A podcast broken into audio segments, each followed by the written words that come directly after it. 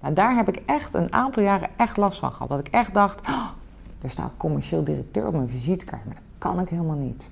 Dus dat gevoel, daar moet je meteen wat mee doen, want dat is een heel gek gevoel. En als je dat kwijt bent, dan word je zoveel krachtiger. In deze podcast ga ik in gesprek met Alette Gilbert.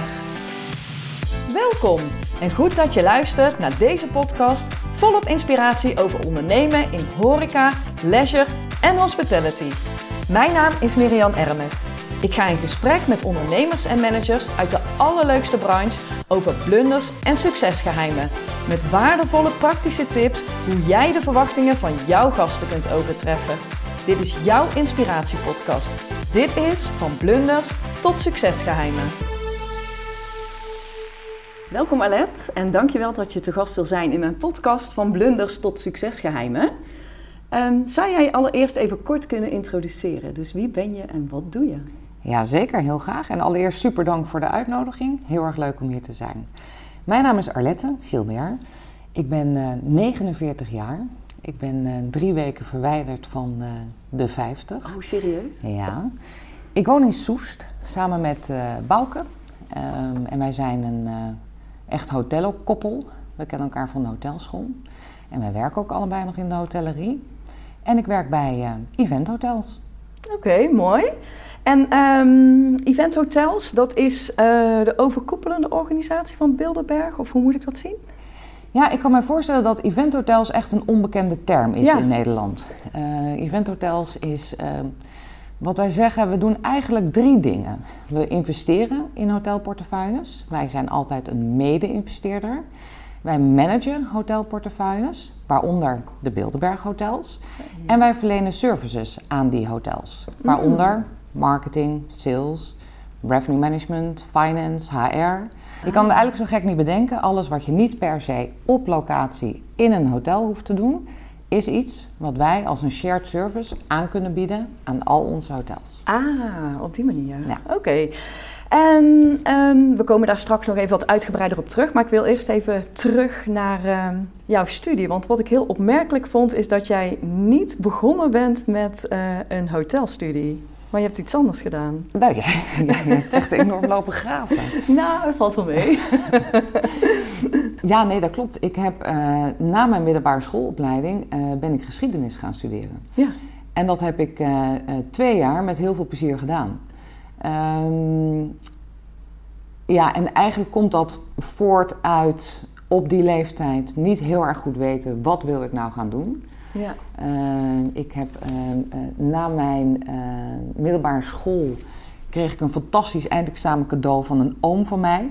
een open ticket naar Australië. Oh, wauw. Ja, daar heb ik ook met heel veel plezier gebruik van gemaakt. Alleen toen overkwam mij iets waarvan ik toen niet had gedacht dat het zou gebeuren. Ik kreeg enorme heimwee. Oh, serieus? Ja, dus ik was bij een oom en tante.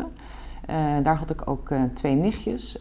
En het was echt fantastisch. Het is een waanzinnig land. Ik heb daar heel veel gereisd. erg mooi. Ook een hele lieve oom en tante. Maar ik kreeg enorme heimwee. Dus ik wilde heel graag terug naar huis. Dus ik, heb, ik weet nog heel goed dat ik mijn ouders aan de telefoon had. En dat ik dus zei dat ik heel graag terug naar huis wilde. Um, uh, en dat ik ook heel graag nog met hun mee op vakantie wilde in de oh, zomervakantie. Ja? Dat weet ik ook nog. Hoe brutaal kun je zijn? En toen zei mijn moeder, dat is prima, maar dan wil ik wel binnen nu en twee dagen weten wat je gaat studeren. Want dan kunnen we je alvast inschrijven, maar je gaat niet thuis zitten. Nou, oh. dat was duidelijk. Ja, precies. Uh, en dat werd toen geschiedenis, want dat vond ik het allerleukste vak op de middelbare school. Oké. Okay. Maar geschiedenis studeren en je dan realiseren wat je er daadwerkelijk mee kunt gaan doen. Uh, daarvan kreeg ik al in het eerste jaar het idee dat dat niet helemaal uh, de match was met mijn kunnen en mijn ambities. Dus ik ben geswitcht naar de hotelschool. Oké, okay, en waar Door mijn dan... bijbaan. Oh, door je bijbaan? Ja, okay. absoluut door mijn bijbaan. Ja. Ik werkte in uh, tennishal, noemden wij het volgens mij. Tenniscentrum het Noord heette het. in Hogeveen, in Drenthe. En dat waren grote tennishallen waar mm -hmm. wij ook beurzen organiseerden. En die beurzen organiseerde ik mede. Dus ik was al snel een verkoper. Want ik zat dan aan de telefoon met de middenstand in Hogeveen om ze te verleiden om een steentje af te nemen op de vrouw totaalbeurs. We hadden vreselijke termen allemaal. Uh, en op die beurzen werkten mensen vanuit de hotelschool, die via uh, de hotelschool bij een cateraar uh, werkten uit Hoogveen. En zo kwam ik in contact met hotelschoolstudenten. Oh. En die vertelden over de opleiding en over de studie. Ja, en toen wist ik eigenlijk meteen, dit moet ik doen, want dit past 100% bij mij. Oh, wat fijn. Dus je werd eigenlijk een beetje enthousiast gemaakt door die andere hotel. Absoluut. Ja, en toen ben ik na twee jaar geswitcht. Oké, en daarna, um, want je hebt toen hotelschool in Leeuwarden gedaan. Ja. ja. En daarna ben je begonnen bij? Golden Tulip. Golden Tulip. Ja. ja. Ja, ik heb uh, hotelschool in Leeuwarden gedaan. Die hotelschool bestond toen vijf jaar. Dus het was een hele jonge oh, hotelschool. Ja. Uh, en toen ik startte in 1992 maakte ik meteen het jubileum mee. En toevallig hadden we een aantal weken geleden een reunie van de hotelschool in Leeuwarden en de studentenvereniging. En realiseerde ik me dus dat het 30 jaar geleden is dat ik Ja. daar gestudeerd heb. Ja, wij hebben dezelfde tijd een beetje Ja, gestudeerd. het is echt, eh, soms is het schrikken. Ja. Ja. En ik ben naar Leeuwarden gegaan om, om maar één reden. Dat was dicht bij Groningen. Ik studeerde in Groningen. Ik had daar een waanzinnig leuk studentenhuis. En ik had in gedachten dat ik dan nog heel veel contact zou houden met mijn vrienden in Groningen. Nou, dat bleek niet zo te zijn, want Leeuwarden was minstens net zo leuk. Ah. En de studentenvereniging was, eh, die slokte je helemaal op in allerlei commissies en eh, besturen. En, eh, dus dat was, was een waanzinnig leuke tijd. Leuk. Prachtige opleiding. Nou, Ja. dus via de tennishallen ben je zo Via de geswitcht tennishal kom ik in de hotellerie. in de terecht. hotellerie terecht. Ja, en daar zit je eigenlijk nog steeds. Ja. Ehm, maar bij Golden Tulip, daar was je dan marketing en sales manager. Nou, Of- zo ben ik niet begonnen. Eh, ik ben eh, als stagiaire begonnen Oh ja. eh, bij Golden Tulip in, in Hilversum, zat toen nog het hoofdkantoor. Mhm. En ik wilde per se een stage in Nederland, omdat ik ook heel erg graag heel snel een baan wilde hebben. Mm. Ik had inmiddels zes jaar gestudeerd, dus mijn studiefinanciering was afgelopen. Ja, je wilde gewoon gaan werken. Eh, ik had ook gewoon echt het geld nodig. Dus ik dacht, ik ga in eh, Nederland stage lopen, want dan is mijn kans op een baan daarna ook het grootst. Dat bleek ook, want ik heb halverwege mijn stage de baan al gekregen. Eh, en kon dus ook halverwege mijn stage eindelijk weer normaal de huur betalen. Eh, en ik ben bij Golden Tulip op de salesafdeling begonnen. Eh, dat was de salesafdeling voor de, voor de franchise-divisie van, eh, van Golden Tulip. En tijdens mijn stage, die duurde toen nog tien maanden, gingen beide regional sales managers weg. En Oh. ik was hun trainee. Dus toen zat ik aan het eind van de stage alleen op de afdeling. Nee. Ja, en toen eh, dachten ze, nou laten we die stagiaire dan maar aannemen. Eh, en zo kwam ik aan mijn eerste baan, dus dat was eigenlijk top geregeld. Oh, en jij zegt op de franchise-afdeling, dus je had niet eh, je gasten eigenlijk als doelgroep, maar je had meer hotels dan als doelgroep. Of- Ja, ik had, eigenlijk had ik beide als doelgroep. Ik had, eh, aan de ene kant had ik de hotels als doelgroep, eh, om ze happy te houden met hun franchise met Golden Tulip. Ja. En aan de andere kant had ik de zakelijke markt als doelgroep, om ervoor Oh, ja. te zorgen met name dat vanuit Nederland klanten de internationale Golden Tulip hotels zouden gaan reserveren. Ah, Ja. oké. Maar dat is best wel een, eh, dan ben je best wel in het diepe gegooid als er niemand meer is. Ja, eigenlijk achteraf is het hilarisch dat ze dat aangedurfd hebben. Want Ja. ik wist echt van toeten nog blazen. Eh, ik, ik kan me nog heel goed herinneren dat ik eh, van de hotelschool kwam. Dat ik, nou, ik had best een grote mond. Ik vond ook dat ik best wel wat kon. En dat ik in mijn eerste week bij Golden Tulip mij het liefst onder het bureau wilde verstoppen. In de hoop dat niemand mij zou zien en mij wat zou vragen. Want ik vond het echt doodeng. Alleen al de taal die gesproken werd, begreep ik niet. Het waren allemaal afkortingen eh, van, van, van, van tarieven, van systemen. Van, je begreep gewoon niet wat er gezegd werd. Eh, en dus ik kan me herinneren dat ik dat echt een enorme grote leercurve vond. Gelukkig ontmoet je altijd mensen in iedere baan ja, die dan toch een soort mentor voor je worden. En Oh, bij. Golden Tulip was dat al heel snel. eh, Oh, dat is wel heel eh, fijn. twee mensen die mij enorm geholpen hebben. En, Sowieso die interne taal te spreken. Ja. En, eh, ja, ja, maar ook je zelfvertrouwen op te Ja. bouwen. Eh, je dingen laten doen om daar toch nog een beetje supervisie en Ja. begeleiding. ja. eh, zodat je ook wel echt je fouten mag maken en, en ervan kan leren. ja, Ja, ik precies. vond het echt een prachtige tijd daar. Ja, dan heb je ook echt wel veel geleerd, lijkt mij. Ja, heel veel. Heel veel geleerd in korte tijd. Juist omdat Golden Tulip eh, was destijds een organisatie waarbij als je het idee had, dan werd een idee heel snel omarmd en mocht je het ook gaan doen. Eh, soms een beetje Wild Westen, cowboy-achtig, maar Mhm. daardoor kon je eh, ja, enorm veel leren in hele korte tijd. Ja. En heel veel mensen ontmoeten. En hoe lang ben je daar gebleven? Ik heb in totaliteit onder Golden Tulip labels, niet elk, altijd in dezelfde organisatie, tien jaar gewerkt. Zo. Ja. En Ja. uiteindelijk tot aan dan marketing sales manager. Ja. Ja. En toen ging het kriebelen. Ehm, Golden Tulip veranderde heel sterk in die Ah. tijd. Ehm, een, de- een deel was al opgegaan in Krasnopolski NH. Eh, daarna is een deel verhuisd naar, naar Amersfoort. Daar werd de franchise-divisie verder voortgezet. Daar heb ik nog zeker een groot aantal jaren met veel plezier gewerkt. Ehm, in de tussentijd had ik ook al in hotels gewerkt en was ik weer teruggekomen op het hoofdkantoor. Maar toen ging Golden Tulip heel erg sterk veranderen. Dus de, de, ja, de organisatie, de cultuur, de toon. eh, en dat voelde niet meer als de organisatie waar ik mij thuis bij voelde. Nee, Dus toen werd het tijd om te gaan. Ja. Ja. En toen ben je naar Bilderberg gegaan. Ja. Ja. Ja, ja, ja. ja. En hoe kwam dat zo, dat je daarheen ging? Via via, contacten. Eh, er waren al eerder mensen vanuit eh, Golden Tulip verhuisd naar Bilderberg. En eh, dat was de oud-operationeel directeur van Golden Tulip, die eh, bij eh, Bilderberg operationeel directeur was, Hans Wibbens. En die heeft mij toen gezegd, joh, ga nou eens een kopje koffie drinken met Dries van der Vossen, was destijds CEO van, van Bilderberg. Want ik denk dat je dit een hele leuke organisatie zou vinden. En zo gebeurde. Dus dat is uiteindelijk ja, heel snel beklonken. En wat was jouw eerste functie bij Bilderberg? Want je hebt er best een tijd, zit je daar al hè?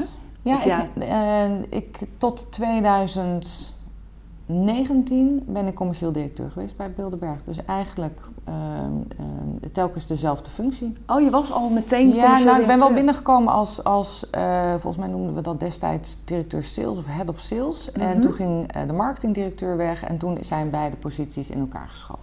En toen jij kwam bij Bilderberg en eigenlijk eh, in de tijd tot 2019, wat zijn de grootste veranderingen geweest sinds jij er bent? Oh, nou, dat zijn er best veel. Ehm, Of Ik waarvan denk- zag je van, nou, dat wil ik als eerste? Een van de hele grote veranderingen is ehm, dat toen ik binnenkwam bij Bilderberg, hadden we wel een website bij Bilderberg. En als ik het heel plat sla, was dat bijna een soort brochure online met een retailschap waar je dingen kon kopen. Maar er was geen eh, online strategie en ook nog geen dynamische prijsstrategie daaronder. Mhm. Dus dat is een van de dingen waar, eh, waar we heel veel stappen in hebben gezet. Als ik kijk naar wat wij nu op dit moment doen op het gebied van data inzetten om onze gasten blijer te maken, maar ook om heel veel nieuwe gasten te verkrijgen. Mhm. Dat had ik in het begin destijds niet kunnen dromen dat we daar al zo ver in zouden kunnen Oh ja? zijn nu. Ja, dat, daar hebben we heel veel stappen in gezet. Maar ook als ik kijk naar de salesstrategie. Ehm, er was destijds een, eh, een, een, een, een sales team wat eh, eh, key account managers waren die contracten afsloten met grote bedrijven, met name voor trainingen, vergaderingen, bijeenkomsten. Mhm. En op het moment dat het contract afgesloten was, dan was eigenlijk het idee, dan gooien we het over de schutting naar de hotels en dan gaan de hotels eruit halen wat erin zit. Oh ja. Ehm, nou, dat is nu een compleet andere salesstrategie. Ja, hoe doe je het nu? Eh, we zijn nu met een veel kleiner salesteam. Mhm. Wij zijn ook veel meer data gedreven gaan werken. Dus dat we ook met name de opportunities oppakken die ook tot conversies leiden. En wij converteren de deal totdat die gesloten is. Mm. Dus de omzet is eh, met een veel kleiner team. Veel hoger geworden. Ja, niet tijdens de COVID-jaren, maar dit jaar Ja, zijn we precies. weer heel Het blij. komt weer goed. Ja, het komt weer goed. We zijn dit jaar weer heel blij. Oh, gelukkig. Dus daar Ja. is zo vreselijk veel veranderd. De manier waarop wij marketing en sales en revenue management bedreven in 2008 toen ik er binnenkwam en hoe we dat nu doen. Mhm. Ja, de wereld is op zijn kop gezet. Ja. En dat wel drie keer. Ja. Revenue management deden we helemaal niet. Nu is alles eh, geautomatiseerd. Ieder hotel eh, heeft een dedicated eh, revenue manager die Ja. meerdere hotels doet Ja. in dezelfde markt. Eh, en en ja, dat, dat is eigenlijk de core waarop ons commercieel beleid draait. Zo. ja. En is dat ook nog, dat datagedrevenheid, is dat ook nog in COVID versneld? Of was dat van tevoren al echt in gang gezet? Op commercieel gebied deden we dat al. Mhm. Ik denk dat wij in 2017 gestart zijn met het bouwen van een customer data platform. Waarop wij vanuit zowel eh, Google Analytics als het klikgedrag op onze website, als uit de e-mail newsletters eh, eh, data verzamelen. Gekoppeld ook aan de data die we in de hotels hebben. Dus echt de transactiedata. Mhm. Wie heeft wanneer bij ons verbleven, op welke kamer, eh, met eh, eh, welk gezelschap en wat hebben ze besteed. Mhm. Die data, die verzamelden wij al. Daar bouwden wij al profielen van. En daar probeerden wij al gedrag te voorspellen voor de toekomst. Ja. Om mensen daadwerkelijk ook echt op het juiste moment een relevante boodschap te geven waarop ze acteren. Ja. Namelijk ja, iets doen. Ja, Het hoeft niet per se altijd een, Kopen, een reservering te zijn, ja. maar het kan ook iets geven zijn, een review. ja. ehm, of, Misschien wel doorvertellen aan iemand een anders. aanbeveling, precies. Ja. Ja. Ja. Dus daar waren we al vrij ver mee. Wat COVID wel heel sterk versneld heeft, ook bij ons, is de digitale gastcommunicatie eh, voorafgaand aan het verblijf, in-house en, en daarna. Ja. Wij werkten eh, nog wel met, met eh, ja, fysieke mooie kamermappen eh, op de ho- hotelkamers, Hotelkamers, waar nou ja, dat, die ABC tot en met Z informatie in staat. Hoe relevant is dat? Eh, die hadden we nog. Ja. Nou, die verdwenen natuurlijk tijdens COVID. Eh, ging alles ongeveer van de hotelkamer af. Werd je afstandsbedieningje in het plastic geplakt. En eh, nou, dat, Oh, we ja. hebben de meest gekke dingen gedaan eigenlijk achteraf.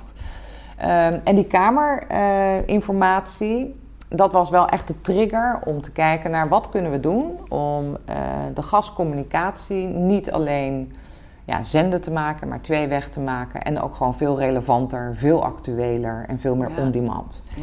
Dus inmiddels is het uiteraard zo, net als in heel veel hotels, dat je eh, die informatie gewoon op je mobiele telefoon hebt. En dat je ook kunt chatten eh, met de Met mensen. de mensen. Ja, precies. Gedeeltelijk met een chatbot, maar En wat is dan eigenlijk jouw rol geweest in heel deze ontwikkeling?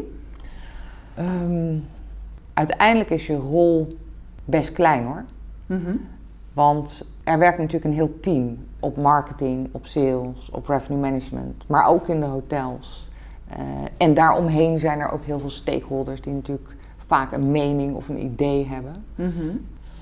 En wat ik doe is veel buiten kijken, dus buiten de organisatie mij begeven. Dus veel met, met klanten, met mensen uit het netwerk, veel binnen eh, eh, organisaties zoals bijvoorbeeld het Food Service Netwerk, maar ook de Sales Management Association, waar ik veel dingen ophaal als het gaat over hoe organiseren bedrijven hun commerciële strategie, hoe organiseren ze hun teams, eh, wat werkt wel, wat werkt niet, wat kunnen we leren vanuit andere branches, hoe beweegt de markt zich, wat vinden onze klanten wel fijn aan ons, wat vinden ze niet fijn.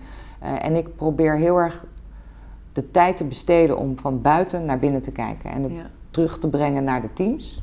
Eh, daar eh, ideeën te pitchen, kijken hoe zij daar eh, op aangaan of niet.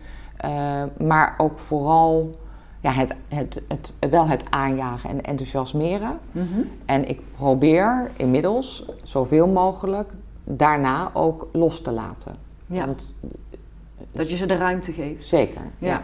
Ja. En als je dan van buiten naar binnen kijkt, kijk je dan vooral ook naar andere hotels, nationaal, internationaal, of ook echt veel breder in de branche of buiten de branche?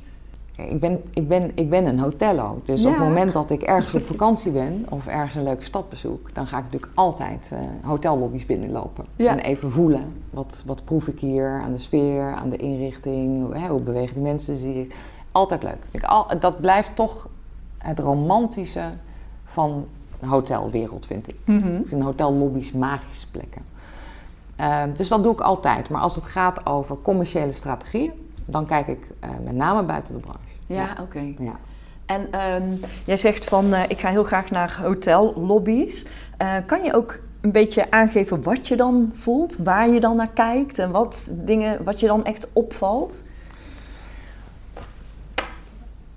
Vroeger, vroeger als kind, als ik met mijn ouders op vakantie ging, dan ging ik altijd overal de wc's bekijken. Dat was echt een tik. Dan, eh, eh, er waren vaak hele leuke tegeltjes, of er stonden leuke frutseltjes of leuke zeepjes. Dat vond ik altijd fantastisch.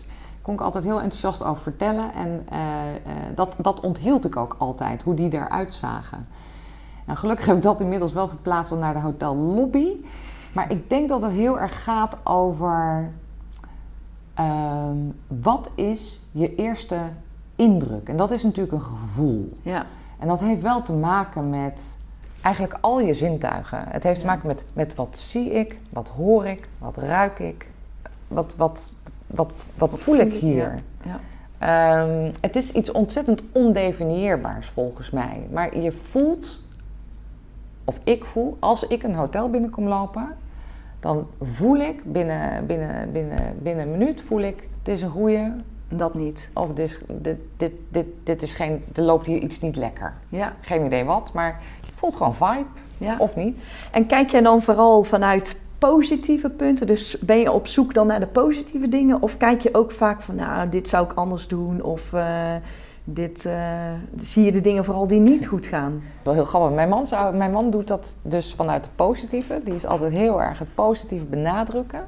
Ja. En ik ben bang dat ik toch heel vaak heel snel iets zie waarvan ik denk, dat zou ik anders doen. Ja, ja dat ben ik, daar ben ik dan eerlijk in. Maar dat hoeft dan niet de beste eigenschap, maar dat zie ik wel heel, ja. Dat ja, maar dat hoeft niet fout te zijn, want het kan voor jou ook weer een trigger zijn van hoe is dat dan bij ons? Ja. Of uh, van dit zie ik dat hier niet goed gaat. En dan kan je ook ja, ik vind bij anderen zie ik heel vaak dingen die ik heel leuk vind. Want daar ben je dan natuurlijk naar op zoek. Dus daar is je blik ook op gericht. Dus als ik bij andere hotels binnenkijk, of bij andere bedrijven binnenkijk, dan ben ik juist heel erg met mijn telefoon fotootjes, aantekeningen maken van dingen waarvan ik denk, oh dat is gaaf, daar zouden we wat mee kunnen. Ja, ja, ja. Maar ik heb heel vaak in je eigen, je eigen eh, hotels. hotels. dat je meteen natuurlijk iets voelt waarvan je denkt, ah, oh, dat kan anders. Ja, maar dat is ook logisch, want je bent altijd bezig om te optimaliseren natuurlijk.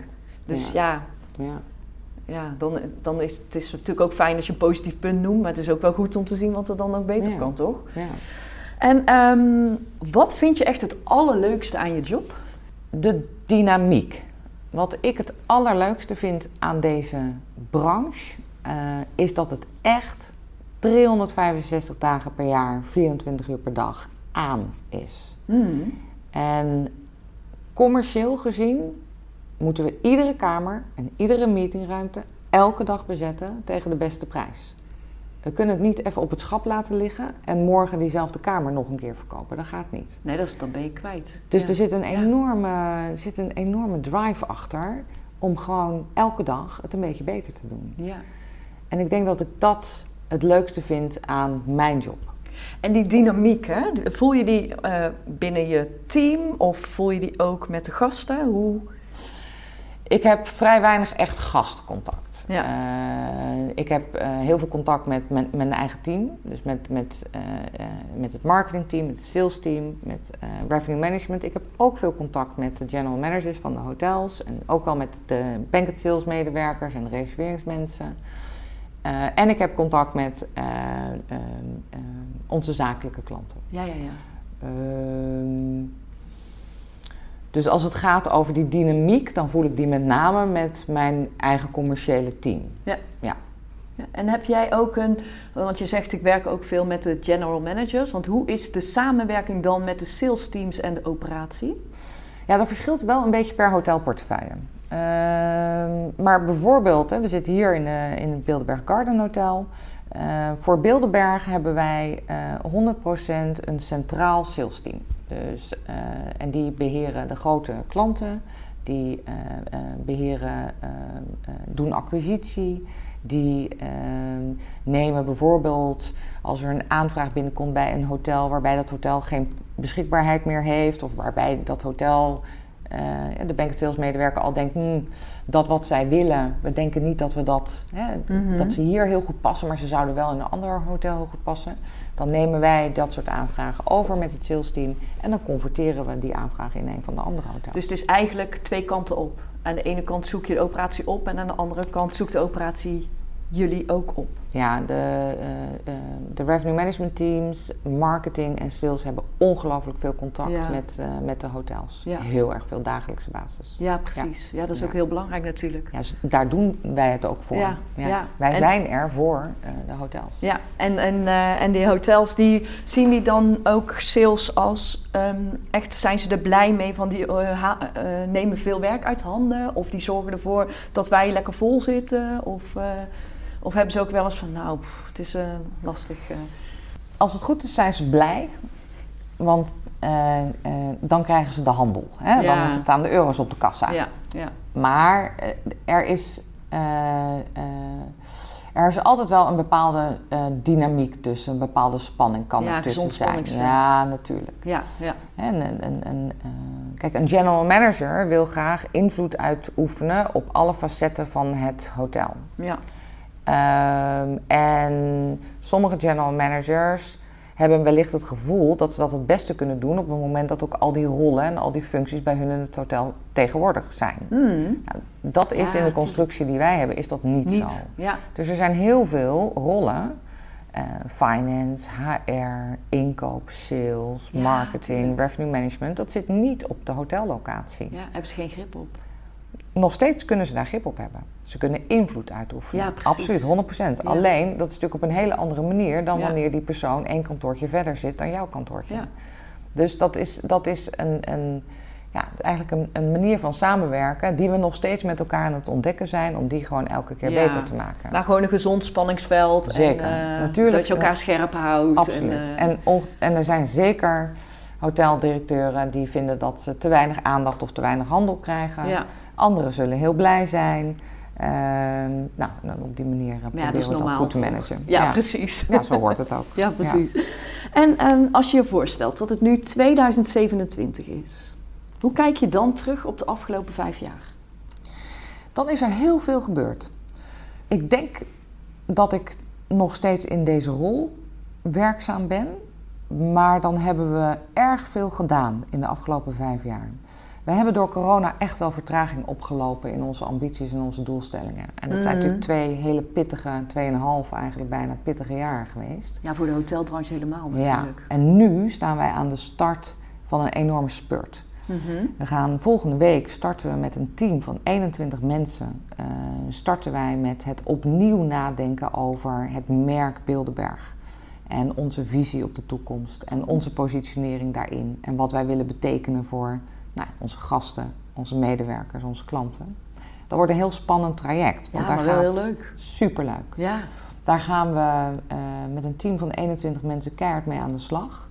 Eh, en dat zullen we ook volgend jaar eh, de, eerste, nou, de, de eerste stappen inzetten om het ook tot werkelijkheid te laten worden. Ja. wat het wordt weet ik ook nog niet, want dat gaan we nog, gaan we nog bedenken. laten we echt nieuwe merkbeloftes Ja. bepalen of herijken. of herijken of, of, vernieuwen. de- de- Maar dat is wel mooi, want je hebt natuurlijk echt een hele uitdagende periode gehad. Dan heb je volgens mij dit jaar best wel gerend al. Ja, zeker. Vooral Ja. in de hotels, ja, ja, absoluut. ja, je ziet het overal natuurlijk. Ja. Personeelstekort is natuurlijk overal een uitdaging. Ja. En dan nu weer opnieuw naar je merk kijken. Ja, want dat zijn natuurlijk, eh, kijk, er zijn natuurlijk eh, best heel veel vragen waarop wij een antwoord zullen moeten gaan formuleren met elkaar. Ja. Jij noemt er al één. eh, Personeel. de- ja, Ja. uitdaging op, op de arbeidsmarkt. Ja, die is niet over twee jaar opgelost. Nee. Dat blijft. Sterker Mhm. nog, die kan nog wel eens erger worden. Mhm. Eh, als je kijkt naar eh, de energiecrisis, Ja. eh, daar zullen we ook een antwoord op moeten hebben. Ja. We hebben grote ambities op het gebied van het verduurzamen van onze hoteloperaties. Daar Ja. hebben we dit jaar de doelstellingen voor gelanceerd en het meetpunt neergelegd ten opzichte van de voorgaande jaren. Maar daar moeten we nu wel keuzes in gaan maken en stappen in gaan zetten. We hebben te maken met een enorme inflatie op dit moment. Ja. Ehm, dus we hebben te maken ook met een in sommige Bilderberg hotels wat oudere doelgroep, waarbij we toch ook eh, naar een treedje lager, iets wat jongere doelgroep toe willen. Ja. Dus eh, we hebben best wel heel veel vragen waarvan we ehm, eh, allemaal echt ideeën hebben over hoe we dat aan zouden willen Mhm. pakken. Mhm. Maar het is heel goed om eens even met elkaar goed stil Ja, te staan en een beetje terugkijken, maar vooral heel erg ver vooruit kijken en, ja, en, dromen neerzetten. Of Je geval- dromen neerzetten. Ja. Ook weer even buiten de branche kijken om Ja. inspiratie op te doen. En welke belangrijkste stakeholders zijn er dan aan tafel?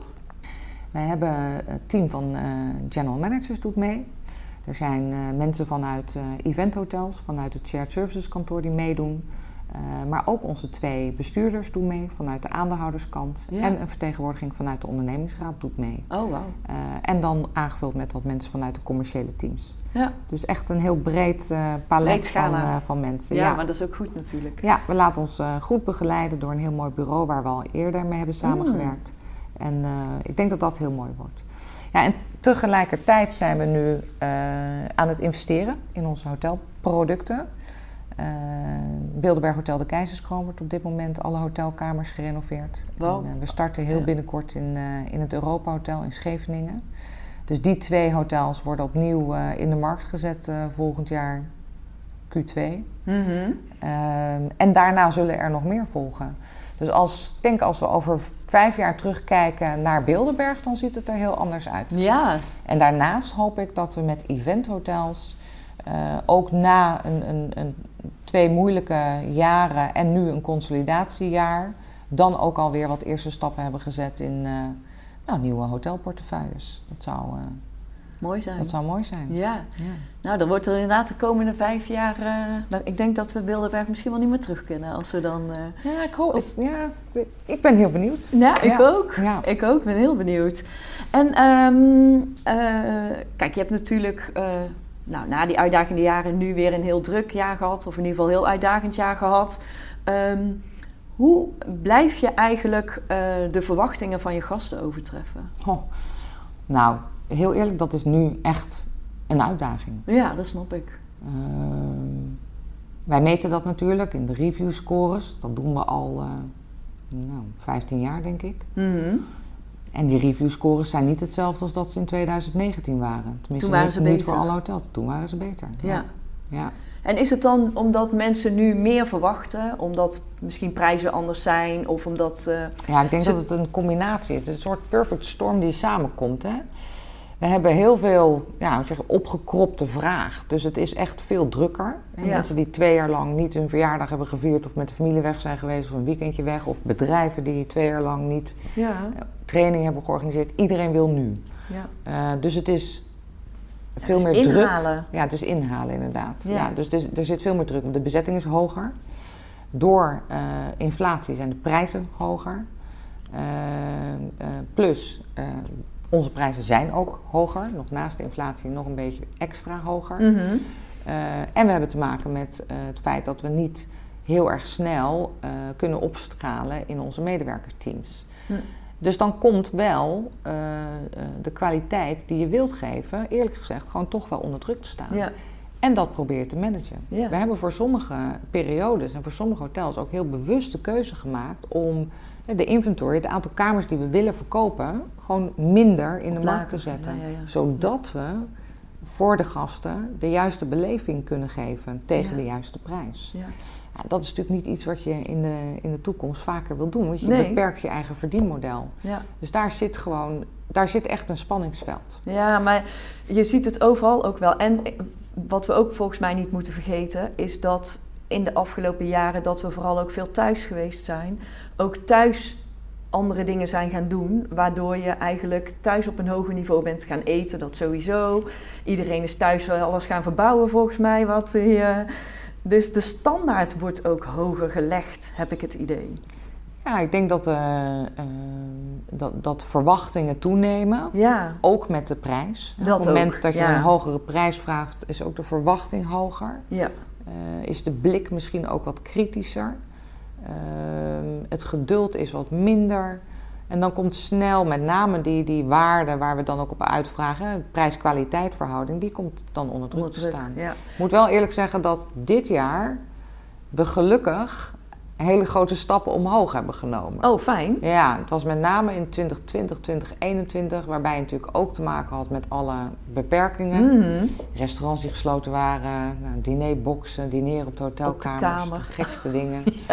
dat dat natuurlijk ook niet heel erg bijdraagt aan de beleving. Nee, precies. Nou, als je dan nu weer in ieder geval kan laten zien wat je waard bent, dan... Uh, ja, dan, zeker. Absoluut. Dan is dat uh, in ieder geval een positieve ontwikkeling. En als daar dan nog bij komt, als je weer opnieuw naar je merk gaat kijken, dan moet het zeker goed komen, toch? Ja, dat zijn wel de leuke, is leuk, uh, ja. dat zijn de leuke trajecten. En ja. ook in, uh, in, in, in, de commerciële rollen zijn dat ook altijd wel de kersen op de taart als je zo'n traject uh, kunt doorlopen. Ja, zeker leuk. Zeker. Ja. En um, waar ben jij het meest trots op?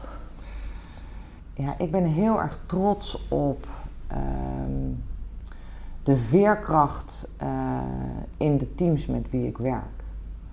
En ik denk dat corona heeft daar, ja, heeft daar zo'n impact op gehad. Mm. Als ik nu kijk naar hoe mensen uh, ja, eigenlijk snel die ellende vergeten zijn en weer vol energie aan de slag zijn. Hoe ook tijdens corona mensen in staat waren om hun eigen rol, hun eigen positie gewoon los te laten en iets volledig anders te gaan doen omdat het nodig was, hmm. dan vind ik die veerkracht in die organisatie en, en ook dichtbij in de teams uh, waar ik het meest mee samenwerk, ja, dat vind ik echt bewonderenswaardig. Mooi. Ja. Ja. ja, daar ben ik heel trots op. En heb je ook een beetje een constant team gehad? Of zijn er nog wat mensen weggegaan? Of, uh...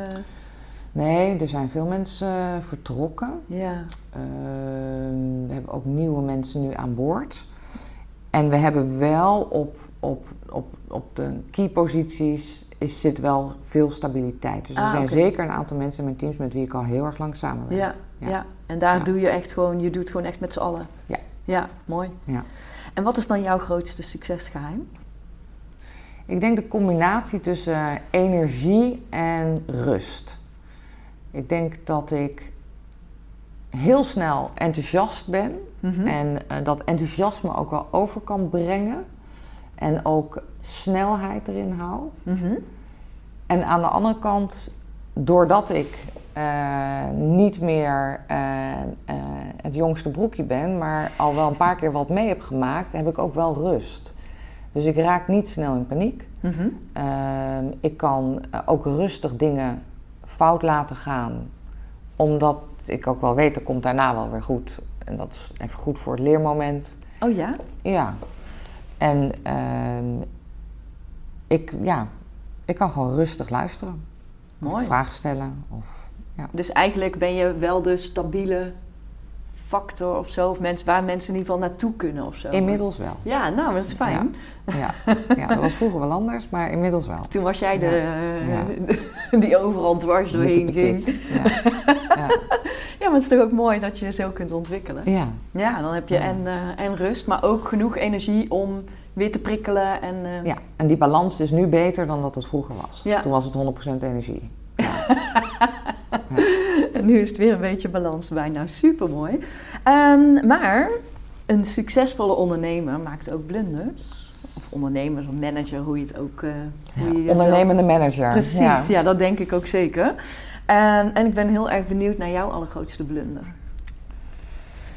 Ja, ik vind het best een lastige. Ik, ik, wist natuurlijk van tevoren dat jouw podcast heet eh, Blunders en Succesgeheimen. Toen dan ga je toch een beetje nadenken over die blunders. Ik denk wel dat, dat... Ik zou het meer willen zeggen als lessen die ik in ieder geval wel heb geleerd. Of als ik er achteraf op terugkijk, dat ik denk... Oh, had ik dat toen maar al Anders. geweten of zo. Dat, Ja. dat idee meer. Waar ik zelf echt extreem veel last van heb gehad in het begin van mijn carrière toen ik bij Golden Tulip werkte, maar ook nog wel de eerste jaar bij Bilderberg, is wat ze noemen het imposter syndroom. Ken je dat? Hmm, misschien als je het toelicht. Ja, ze, dat heet het bedriegersyndroom. Met name vrouwen schijnen daar last van te hebben. Oh. Dat gevoel dat je op een plek zit waar je eigenlijk ieder moment door de mand kunt vallen, omdat iedereen dan opeens ziet dat je niks kunt. Dat gevoel heb dat je. gevoel heb je dan heel erg. Ja, ja, ja. Nou, daar heb ik echt een aantal jaren echt last van gehad. Dat ik echt dacht, "Oh, er staat commercieel directeur op mijn visitekaart, maar dat kan ik helemaal niet. Oh en ja, dat binnenkort ken ik ziet wel. iedereen Ja. dat ik het niet kan. Eh, dat, dat gevoel. Dus dan ga je extra hard werken. Dan ga je ook een klein beetje soms verkrampen. In, Mhm. in, in, in, ook in meetings. Of als je onder druk gezet wordt, dan voel je je snel vastgedraaid. Ja. Schiet je snel Een blokje. verdediging. Ja. Ik ga dan heel scherp reageren. Dus dat, dat, dat gevoel, dat ben ik kwijtgeraakt tijdens een opleiding. Oh, oké. Ben ik dat gevoel echt, ik voelde het gewoon weggaan. Mhm. En daar was ik zo ontzettend blij mee. Dat ik, ik zou iedereen gunnen die dat gevoel een beetje heeft. Van ik hoor niet op deze plek of ik kan het niet. Of ik ben bang dat andere mensen zien dat ik het niet kan. Daar moet je meteen wat mee doen. Want dat is een heel gek gevoel. En als je dat kwijt bent, dan word je zoveel krachtiger. En hoe ben je dat kwijtgeraakt dan tijdens je opleiding? Was dat een moment dat je dacht van, oh, maar ik kan het wel? Of wat, hoe ging dat? Ik heb een traject gevolgd op Nijrode, een leiderschapstraject. Toen Ja. ik, eh, eh, ik denk dat het eh, nou, 2009 is geweest. Mhm. En een van, aan het eind van de, dat was, dus gedeeltelijk is het veel theorie, maar het is met name heel erg op je persoonlijke ontwikkeling, op je persoonlijk leiderschap. Ja. En een van de onderdelen daarin was dat je als directeur van een bedrijf een gesprek zou voeren met een ondernemingsraad, met een bepaalde case, waar je de hele dag mee bezig geweest om die case voor te bereiden. En daarna had je een half uur dat gesprek en daarna kreeg je natuurlijk de beoordeling vanuit die zogenaamde ondernemingsraad. En daar ben ik de valkuil ingetrapt, die ik dus altijd deed. Want ja, je herhaalt wat je altijd al deed, was namelijk je gierend goed voorbereiden. Mhm. Tot op het bot. Ik denk dat de andere helft van mijn groep was waarschijnlijk na een half uur klaar en zat waarschijnlijk eh, aan de borrel. Nee, ik ben, ging gewoon de hele avond door. Tot in detail knettergoed voorbereiden. En uiteindelijk zo goed voorbereid zijn dat je dat, dat, dat, ja, dat gesprek met je ondernemingslaat verliep niet zo heel best, zeg maar. En de feedback die zij daarna gaven aan mij, ja, die eh opende mij de ogen. Want het, het was, ik weet niet meer helemaal de letterlijk maar het kwam erop neer. Doe nou niet zo je best. Want dat voelden ze? Of hoe? Dat, dat, dat, dat voel je. Dan ja. zit er een bepaalde spanning op of er zit, ja, er zit minder ruimte voor de ander. Doe dan niet zo je best. Het is prima. Het is sowieso goed. En dat was, toen dacht ik, ja, daar ga, dat ga ik inderdaad, dat Dus ga ik je gewoon ge- eens proberen. was het dan ook niet zo dat je meer vanuit hier naar hier moet? dus vanuit dat- je hoofd naar je hart of buik? Of... Ja, daar heeft het wel mee te maken, ja. Ja. Ja, zeker. Zeker. Ja, Ja. ja, Oh. ja. Dus heb je daar door te oefenen eigenlijk en eh, eh, goede feedback gekregen van Ja. medestudenten of... Ja, eh, nee, dat kon ik daar heel goed oefenen. ja. En ik kon dat ook in mijn eigen teams best goed oefenen. ja, want toen kwam je terug naar die opleiding. Ja. En, hoe, en toen? Dan deel je dat met een paar mensen binnen Ja, het bedrijf. En dan word je dan nog gecoacht of heb je om feedback gevraagd van als ik in die Ja, valkuil Precies. val? Als jij eh, dit ziet gebeuren, kan je dan even Ja, met je handen zwaaien. ja. Ja, Oh. ja. Nee, echt met mensen over praten. En het is eh, dat, dat om hulp vragen Mhm. eh, is, is eh, volgens mij een van de meest krachtige dingen die je kunt doen. Ja. Eh, want daarmee eh, open je de weg naar, eh, naar waardering, naar respect, naar samenwerking, naar gezamenlijk Ja, succes. een stuk kwetsbaarheid is Ja, het eigenlijk. dat helpt enorm. Weet je, de zachte Arlette. Ja, ja, Ja. precies. Ja, dat was ook daarna inderdaad exact feedback die ik terugkeek. Ja? Ik kreeg vanuit mijn teams dat, dat doordat ik me echt bewust in het begin op een andere manier ging opstellen, dat, dat er ook echt een andere kant zichtbaar werd. Mhm. En dat dat ook gewoon een veel fijnere kant is. Ja. En ook veel fijner voor mensen om mee samen te werken. ja. Maar ja, dat is natuurlijk ook wel iets eh, wat ook gaandeweg je, eh, als je ouder wordt, als je weer wat eh, anders in het leven staat en dan Ja. komt dat ook. En dan bij jou is dat waarschijnlijk in versnelling gegaan door die training of opleiding. Ja. Ja, Ja, dat was echt het triggerpunt. En Mooi. eh, ik had wel, ja, ja, je weet inderdaad ook niet. Stel dat ik die opleiding tien jaar eerder had gedaan, misschien was het toen wel niet gebeurd. Hè? Nee, zou dat denk kunnen, ik, Dat je ja. die ervaring nodig hebt. toen zat ja. je nog met je gestrekte been waarschijnlijk. Ja, zo'n je- zo'n stoem- en drangfase, een carrière maken, dat idee. Ja, Ja, toch? Hard werken en eh, Ja, gaan, gaan, gaan. zorgen Ja. dat ik maar geen fouten maak. En, eh, Als nou eerste komen, als laatste weg. Dat Ja, ook dat. Ja, en anderen beoordelen van gaat ze nou al naar huis? Ja, ja. Ben je parttime gaan werken? Ja, precies. Dat zijn allemaal de geëikte grappen die we gelukkig allemaal niet meer maken. Nee, nee, nee, nee, nee. Maar dus, eh, ja, een, een hele, ja, het is eigenlijk echt wel een leerpunt in je carrière geweest. Ja, het is voor mij echt een turning point Ja. geweest. Ja, absoluut. En ehm, ik hoef niet te vragen wat je ervan geleerd hebt, want eh, dat hebben we al besproken. Eh, maar wie is jouw grote voorbeeld? Ik denk dat, dat dat zijn er wel een aantal. Ik heb wel echt met mooie mensen mogen samenwerken. Uh, en ik hoop dat met een aantal mensen ook nog heel lang te blijven doen. Mm Ik denk heel erg in het begin van mijn carrière ben ik echt onder de hoede genomen door het duo Heike Blauw en Janneke Nijenhuis bij Golden Tulip. Mm Daar heb ik vreselijk veel van geleerd in die beginjaren. Was echt fantastisch. Waren dat die twee mentoren waar je het in het begin over had? Ja, zeker. Ja, ja. ja absoluut. Uh, aan, aan hun beiden dank ik ook mijn allereerste baan. Uh, en ik heb uh, echt vreselijk veel van ze geleerd. En ik heb bij Bilderberg ongelooflijk veel geleerd van Dries van der Vossen, mm -hmm. CEO van Bilderberg.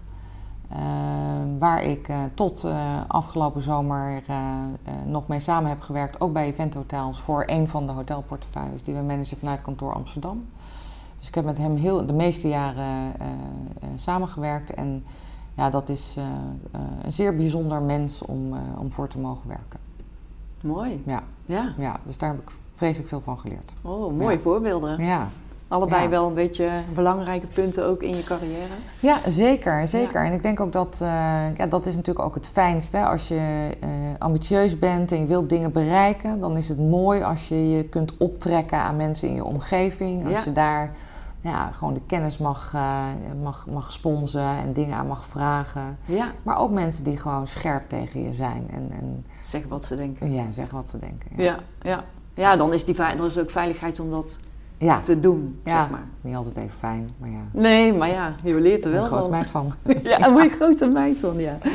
En um, eigenlijk de laatste echte vraag. Met wat je nu weet, wat zou je dan vijf jaar geleden als advies aan jezelf hebben gegeven? Dat komt wel goed. Ja? Ja, ik denk dat, denk de echt, de, ja, het, de dingen komen heel vaak gewoon op hun plek. En vijf jaar geleden zaten wij in een hele grote verandering bij Bilderberg. Was Bilderberg net overgenomen door Event Hotels en een investeerder. Gingen we uh, van het uh, hoofdkantoor Renkum van ons eigen managementteam overgang naar Event Hotels, ons kantoor in Amsterdam, opstarten. Uh, we zaten toen net een beetje in die transitiefase dat begon, dus dat is een zeer onrustig. Mm. Ja, mensen zijn dan ja, ook, ook benieuwd, wat betekent het voor mij? Uh, toch ook wel een van de eerste vragen die, die ik ook dan aan mezelf stel. Goh, wat mm. zou dit voor mij betekenen? Voor jou was het ook onrustig? Voor mij was dat uh, minder onrustig, denk okay. ik. Ja. ja. Ik, ik, ja, ik voelde al wel, in, in deze nieuwe organisatie heb ik een plek.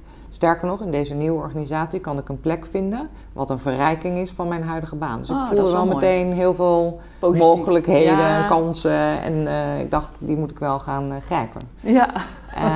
Um, maar dat, dat, dat je dan inderdaad wel ja, gewoon echt vertrouwen op jezelf. Het komt goed. Ja. En je kunt, uh, je kunt vertrouwen op je eigen kracht. Ja. Mooi. Ja. Ten slotte nog een paar stellingen voor je. Oh. Het liefst uh, zo kort mogelijk beantwoorden. Um, cocktails of mocktails? Mocktails. Internationaal of lokaal? Internationaal. Instagram of TikTok? Insta. Uh, robotisering, is het een kans of een bedreiging? Een kans. Uh, nooit meer koken of nooit meer uit eten? nooit meer uit eten. Oh. Kookt toch heel leuk. Um, vlees of vega? Uh, ik hou nog wel van een stukje vlees. Hmm. Individueel of ketenvorming? Uh, ketensamenwerking. Mm -hmm. Zomer of winter? Zomer. Dankjewel Alet voor het mooie gesprek. Graag gedaan. Dat was heel leuk. Dank je. Bedankt voor het luisteren naar deze podcast. Ben je geïnspireerd en vind je het een waardevolle podcast? Deel deze dan op je social media kanalen en vergeet mij niet te taggen. Ben je ook zo nieuwsgierig naar de volgende aflevering en wil je niets missen? Abonneer je dan op deze podcast. Wil je meer informatie over horeca, leisure en hospitality? Ga naar mirianermes.nl en volg me op LinkedIn, Instagram en Clubhouse.